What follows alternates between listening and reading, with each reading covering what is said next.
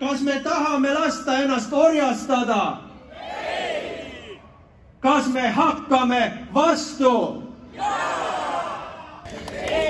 Eesti eest, Eesti eest, Eesti eest, Eesti eest. möödunud pühapäeval toimus Tallinnas EKRE meeleavaldus, mille teravik oli suunatud valitsuse energiapoliitikale.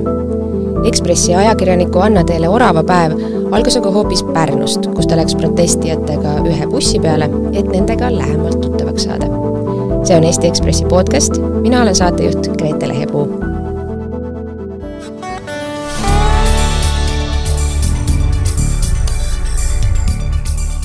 Anna teile, tere tulemast podcasti! tere! ole hea, vii meid tagasi Pärnusse sinna pühapäeva hommikusse. kus sa olid, mis sa nägid, mis seal toimus? kaks bussi ootasid Endla teatri juures ja ma siis kaugelt kohe tundsin ära, et ilmselt need on õiged bussid, kuna inimesed seisid seal nagu suurte plakatitega. aga mida te tänaselt meeleavalduselt ootate? ma ootan rahvale meelekindlust, sõprust, tugevust, ustavust oma maale sest mina olen EKRE-meelne ja ma ei salga seda. aga mida tähendab olla EKRE-meelne? Äh, Eestimaa, minu Eestimaa. oled mu südames sügaval. Seal bussi ees ja siis ma niimoodi vaikselt nagu lähenesin neile ja tutvustasin ennast ja ja paljud ütlesid, et nad ei soovi minuga rääkida, kuna ma töötan Eesti Ekspressis, aga umbes sama paljud ikkagi olid nõus. Milline ilm oli, milline elevuse tase oli, ma kujutan ette, protestile minek, see tähendab ikkagi ootust, ootust ärevust võib-olla? jaa, et seal bussisõidu ajal, noh seda äh, reisi seal korraldas siis see Pärnu nagu nii-öelda ringkonnajuht äh, Helle Kullerkupp ja tema siis seal mikrofoniga ütles, et äh, jaa, me oleme üks suur pere ja tegelikult seda oli vist seal kohe nagu alguses tunda ka, et kõik olid nagu noh, tundsid üksteist ja kõik olid hästi rõõmsad, et, et nad üksteist jälle näevad ja et noh, eks see elevuse tase oli võib-olla niisugune natuke eestlaslik, et mitte midagi nagu eriti kirglikku, aga inimestel oli hea meel, et nad saavad minna ja noh, ega ilm oli veel piisavalt soe ka selleks tegelikult, et ma arvan, et EKRE oli väga õnnelik, et et ilma, ilmataat siis õnnistas sel päeval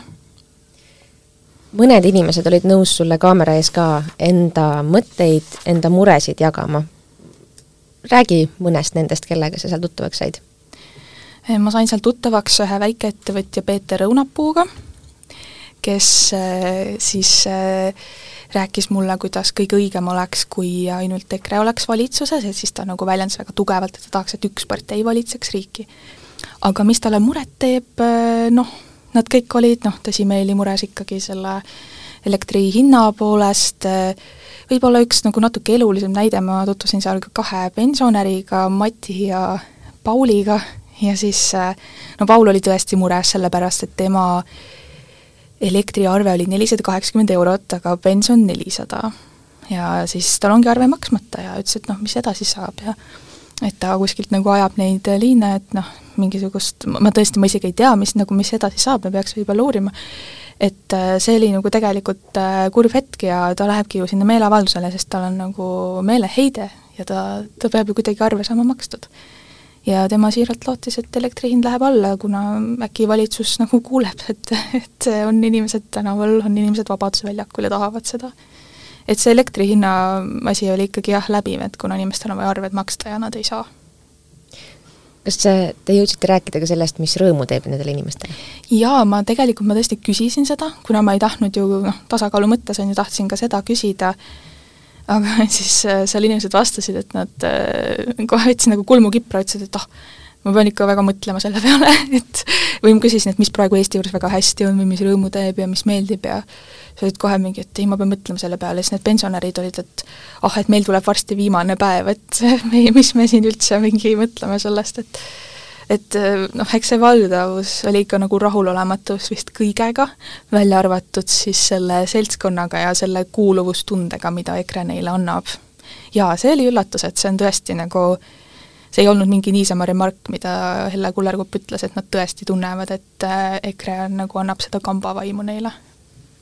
selline klubiline liikumine või noh, erakond ongi, eks ole, selline MTÜ on ju, kes ja. tegutseb ju koos ja, ja ühiste eesmärkide nimel. segakoori kutsus liituma ja mis, mis seal kõik veel on ju, võttis mütse kaasa, et aa, et kui te ei võtnud kodust mütsi, et mul on kaasas ja umbes nagu mingi suur ema neil seal jälle kullerkupsis. ühel hetkel te jõudsite Tallinnasse.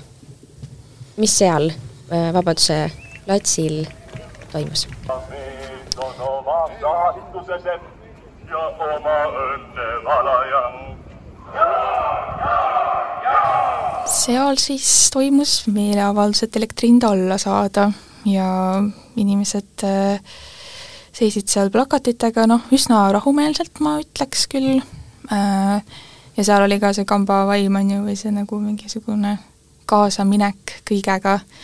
et Martin Helme on ju hürgab lavalt, et kas me tahame, laseme ennast vaeseks teha ja siis kõik kohe ei, ja nagu sellised asjad tekitavad ikka natuke kõhedust, sellepärast et äh, mm, noh, ma ei tea, ma lihtsalt ise ei ole see tüüp, kes kohe hülgaks kaasa poliitikule jaa või ei, et nagu korra vaata mõtled ikka, et, et seal oli nagu aru saada, et, et tekib mingi tohutu mingi kamba vaimu nagu kambaga kaasa minemine. miks üldse istuda bussis ühe erakonna valijatega, miks sinna, miks sa sinna ronisid? miks sa, miks sa tahad seda näidata meie lugejatele, kuulajatele, vaatajatele? sellepärast, et äh, nad on Eesti üks kõige populaarsemaid parteisid, mis nende viimane reiting oligi, kas oli mingi kakskümmend seitse juba või, kakskümmend seitse protsenti, et äh, kuna rohkem kui iga neljas eestlane siis on ju, valib seda parteid, siis mulle tundus oluline portreteerida, mis seal sees toimub ja mis selle sisemaailm nagu on ja mida need inimesed mõtlevad, ja kõige enam just, et mis neile muret teeb. et äh, rääkisime seal ka Ukraina sõjast, et äh, ma tahtsin küsida, mis nende mõtted selles osas on ja seos nagu energiakriisiga ja ja seal paljud ütlesid, et muidugi, et sõda on nagu jube, me peame aitama pagulasi, me peame neid äh, vastu võtma, aga et seal käis ka arvamus läbi, et äh, et see, mis toimub Eesti elektriturul ja energiaturul, et see pole üldse sõjaga seotud, noh, me teame, et see tegelikult ju on sõjaga seotud, et seal on mitu asja, mis mõjutab. et selline hästi nagu lihtsustav maailmapilt tuli läbi aga ma arvan, et on oluline nagu dokumenteerida seda, kuna see on nii populaarne partei. kas need inimesed said, kuulsid mingeid lahendusi, äh, said äh, pisut hõlpu oma, oma muredele sealt meeleavalduselt või sellelt kogunemiselt või sellelt kambas koos olemiselt? Jaa, tundus, et äh, pärast seda ma rääkisin siis ka kahe inimesega, kellega ma kohtusin seal Pärnu bussis ja nemad olid nagu üsna lootusrikkad. jaa, mina olen väga rahul arvate, et elektri hind läheb alla ka no mingi panus kindlasti siit tuleb. aga no rahvas on ühel meelel ja karjuti ju, et ärkame, ehkki Eesti ärkab siiski. aega on veel, mis siin öeldi, kolm, neli kuud või? selle ajaga jõuab ärgata? No loodame, et tuleb ikka pooldajaid juurde, et valimistel läheb hästi. muidugi, kui jälle see e-valimine ei pane asja paika. Aga ma läheks nüüd Pärnu poole, aitäh, nägemist!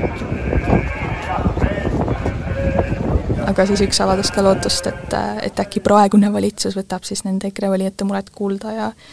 viib elektri hinna alla, et äh, nad olid kuidagi jah, rõõmsad, ma arvan, ma räägin, see on see kamba vaimu asi, noh, kuidagi see sütitab nii üles ja siis muidugi need isamaalised laulud on ju kõik, mida seal mängiti ja et rahvast ikka võimalikult no ühele levelile viia aitäh sulle seda lugu jagamast, aitäh äh, seda reisi kaasa tegemast!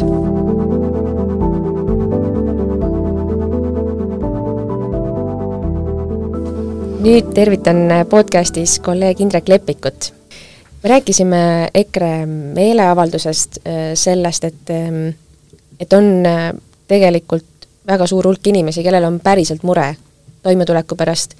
kelle sissetulek on nelisada eurot, aga elektrikulud nelisada kaheksakümmend, need on reaalsed inimesed, reaalsed numbrid, reaalne hirm vaesumise ees. kui sa annaksid, selgitaksid, miks me poliitiliselt ütleme, miks on oluline EKRE-le tähelepanu pöörata või, või neid, neid inimesi tähele panna? pikka aega arvati, et kuskil on mingi EKRE klaaslagi alguses arvati, et see on kümme protsenti, siis äh, pikka aega arvati, et see on kakskümmend protsenti ja nüüd siis viimaste arvamusuuringute järgi me teame, et EKRE toetus on seal kuskil kahekümne seitsme ja kahekümne kaheksa protsendi juures, ehk siis EKRE-st on saanud äh, peamine opositsioonierakond, ta on asendanud seal Keskerakonna ja on väga selge, et kevadised valimised tulevad siis äh, Reformierakonna ja EKRE vastandumise najalt, nii et äh, räägime siin tõepoolest äh, suurimast opositsioonierakonnast ja erakonnast, kes ikkagi tõepoolest läheb nüüd valimisi võitma või selles mõttes see on nende programmiline eesmärk ja, ja erinevalt eelmistest kordadest on see ka päriselt nii-öelda vähemasti võimalik. Need lahendused, mida EKRE on pakkunud, tegelikult ei ole realistlikud neid on tehtud, on erinevaid arvutusi. Ehm, kas see on rahva petmine või kuidas sellesse suhtuda?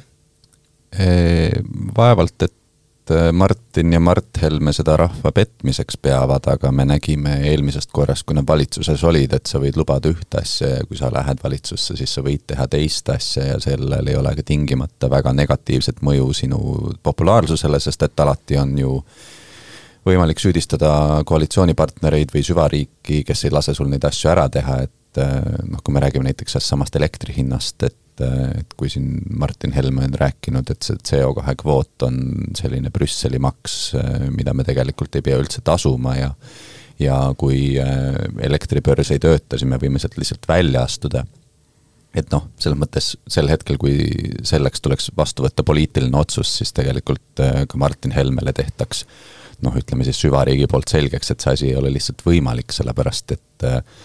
me peame alustama sellest, et Eesti ei ole tegelikult äh, tiputarbimise juures kindlasti, aga ka tavatarbimise juures enamasti ei ole võimeline endale ise elektrit täies mahus tootma, ehk siis ülejäänud elektri me peame kuskilt saama ja kui me ütleme, et me ei osale sellel börsil, kus seda elektrit müüakse, siis äh, siis on, ütleme, praegune kõrge elektri hind veel väike mure võrreldes sellega, kui meil elektrit tõepoolest ei ole enam võib-olla mm, me ei peaks üldsegi niivõrd nagu krussi minema selle peale, kui keegi kuskilt poodiumilt annab ebarealistlikke lubadusi või, või räägib sellisest ebarealistlikust uuest maailmakorrast. Ehm, võib-olla see ei olegi, seda ei peakski võtma otsese nagu valimislubadusena või, või tegevusplaanina, sest see ühendab ju neid inimesi no seda nimetataksegi populismiks, selles mõttes, et isegi andmata mingit negatiivset varjundit sellele, et see ongi rahva ja eliidi vastandamine, see on lihtsad loosungid, see on kõik see, millega EKRE tegeleb. on selge, et eh, suurt osa nendest lubadustest nad ei saa ellu viia, reaalne elu lihtsalt eh, segab vahele, aga tõepoolest see ei takista neil neid loosungeid välja käimas, sellepärast et see mobiliseerib nende valijaskonda, et kui me räägime ka äh, valimistest üleüldiselt, siis küsimus ei ole üksnes selles, kui suurt osa elanikkonnast sa suudad kõnetada, vaid äh, väga suur osa on ka selles, kui suure osa oma potentsiaalsetest valijatest sa oled võimeline päriselt äh, valimispäeval nii-öelda valima tooma, et nad tõepoolest läheksid, valiksid, sellepärast et äh, me teame ikkagi, et valimisealisest elanikkonnast iga kolmas jätab Riigikogu valimistel hääletamata, ehk siis tegelikult nii-öelda kolmandiku jagu hääli ehk siis eh, noh, kui me mõtleme üldiselt valimistulemuste peale, siis kolmandiku häältest, kolmkümmend kolm protsenti, see annab sulle üldjuhul valimisvõidu. et eh, selle jagu hääli tegelikult vedeleb maas, sellepärast et need inimesed ei tule kunagi valima. ja, ja, ja mida just näiteks see kahe tuhande kuueteistkümnes aasta, kui eh, Brexiti referendum läbi läks ja Donald Trump USA presidendiks valiti, see näitaski seda, et tegelikult on mingi hulk rahvast, kes ei ole kunagi valimas käinud ja kui sa suudad neid mobiliseerida, siis nemad toovad sulle selle lisa mille järele keegi teine ei osanudki minna, nii et, et kindlasti lihtsad lahendused on, ütleme, apelleerivad kõige rohkem neile inimestele, kes üldjuhul poliitilisest elust osa ei võtagi, sest et nad leiavad, et neist ei sõltu niikuinii mitte miskit ja keegi neid niikuinii ei kõneta.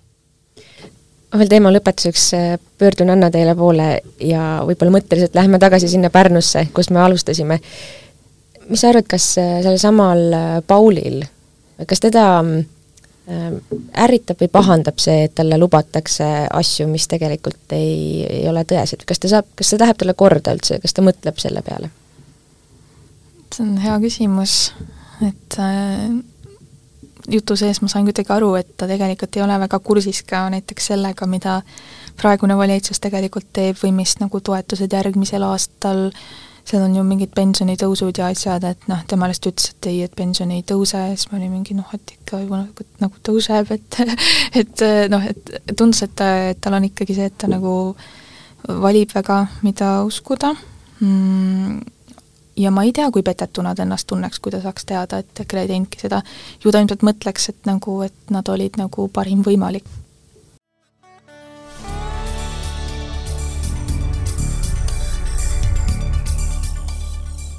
meil on täna stuudios äh, õige palju inimesi, tere tulemast, Mattias Kalev! tere!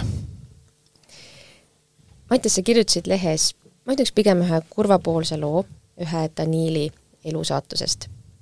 kust me seda lugu jutustama peaksime hakkama?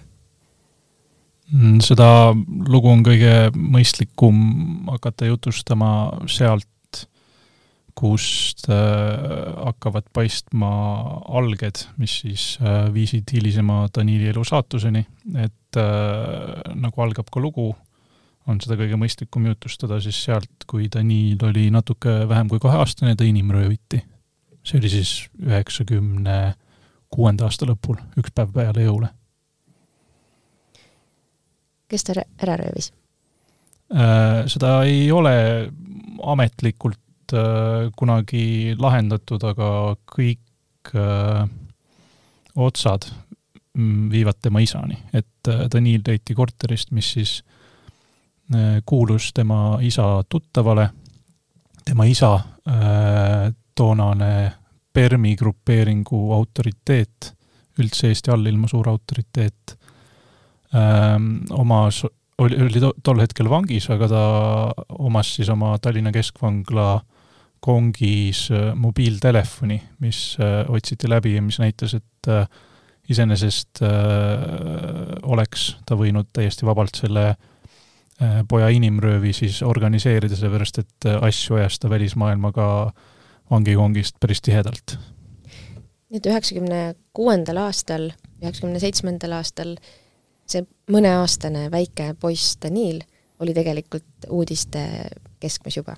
ta ei olnud väga suures mm. uudiste keskmes, ta, ta käis nagu meediast läbi ja see oli äh, asi, asi, mis äh, nojah, see käis meediast läbi, aga see ei olnud mingisugune Eesti põhiteema tol hetkel, et eks ajast oli ka natuke teine ja selliseid äh, šokeerivaid kuritegusid oli rohkem, muidugi lapserööv oli ka tol ajal selline asi, et kui rääkida inimestega, kes siis selle juhtumiga toona kokku puutusid, ka politseiuurijatega, et see noh, see on neil meeles, et noh, Danilil tuldi ikkagi äh, tema koju, kus ta oli emaga ja ema, emal oli külas sõbranna ja ta võeti vägivallaga otseses mõttes kodukorterist ja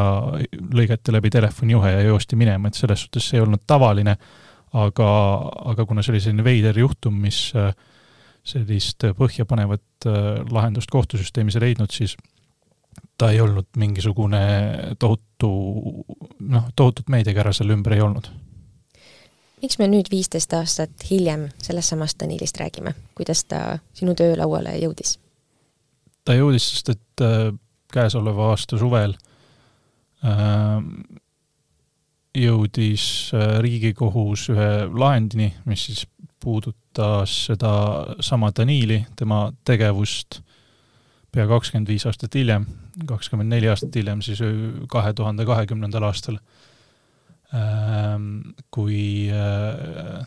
Daniil oli kasvanud suureks poisiks ja temast oli saanud äh, taksojuht, ühtlasi äh, kokaiinidiiler, et seda tegi ta samast autost, ei olnud selles mingisugune ehm, suurtegija, et ta ei, ta ei, vähemasti politsei ja prokuratuuri parimate teadmiste kohaselt ei olnud mingisugune äh, üle Tallinna narkoärikas, vaid äh, ajas väikest asja, aga mis siis äh, temaga juhtus, on see, et kui talle tehti haarang kahe tuhande kahekümnenda aasta alguses äh, Lasnamäel Kärberi Selveri parklas, siis Daniil äh, sattus paanikasse ja hakkas politseinikke rammima. et äh, ühe politseinikul läks seal mingi luu katki, aga teine sai äh,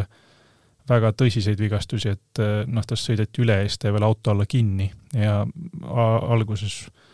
ühesõnaga, et kas need kõik eh, vigastused isegi täiesti lõplikult sajaprotsendiliselt ära parandavad, et paranevad, et eh, et seda ei tea, aga iseenesest on ta tööle tagasi asunud pärast taastusravi ja noh, et saab funktsioneerida. et noh, et seal oli siis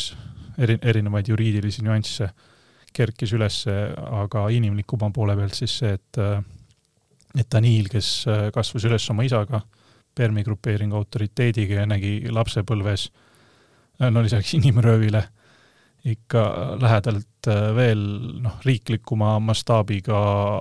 kuritegevust, mis, mis oli ka meedia esikülgedel ja inimeste mõtetes, et noh, et kuidas siis elukäik viis ta sellesse olukorda, et tast sai diiler ja ta rammis politseinikke. selline lugu Ekspressi veebist kõigile kättesaadav. aitäh, Mattias, seda selgitamast!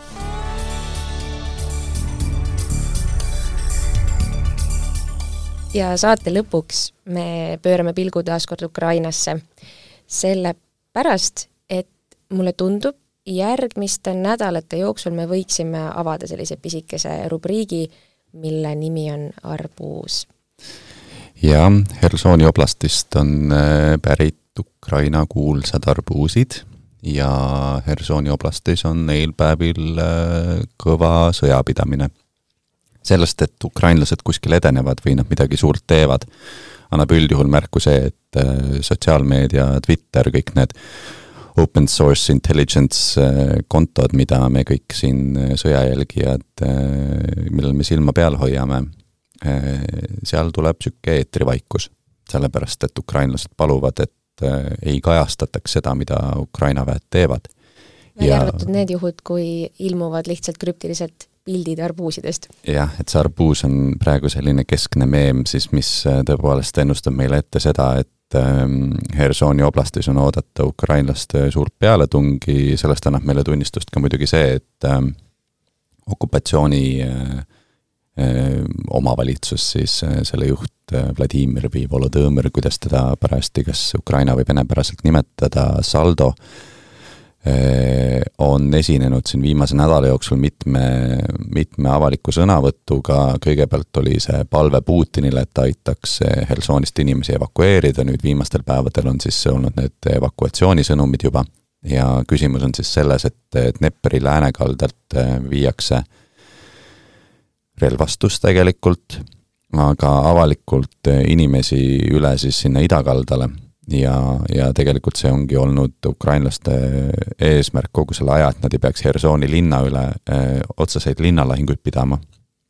vaid et eh, sisuliselt nad sunniksidki lihtsalt venelased eh, taganema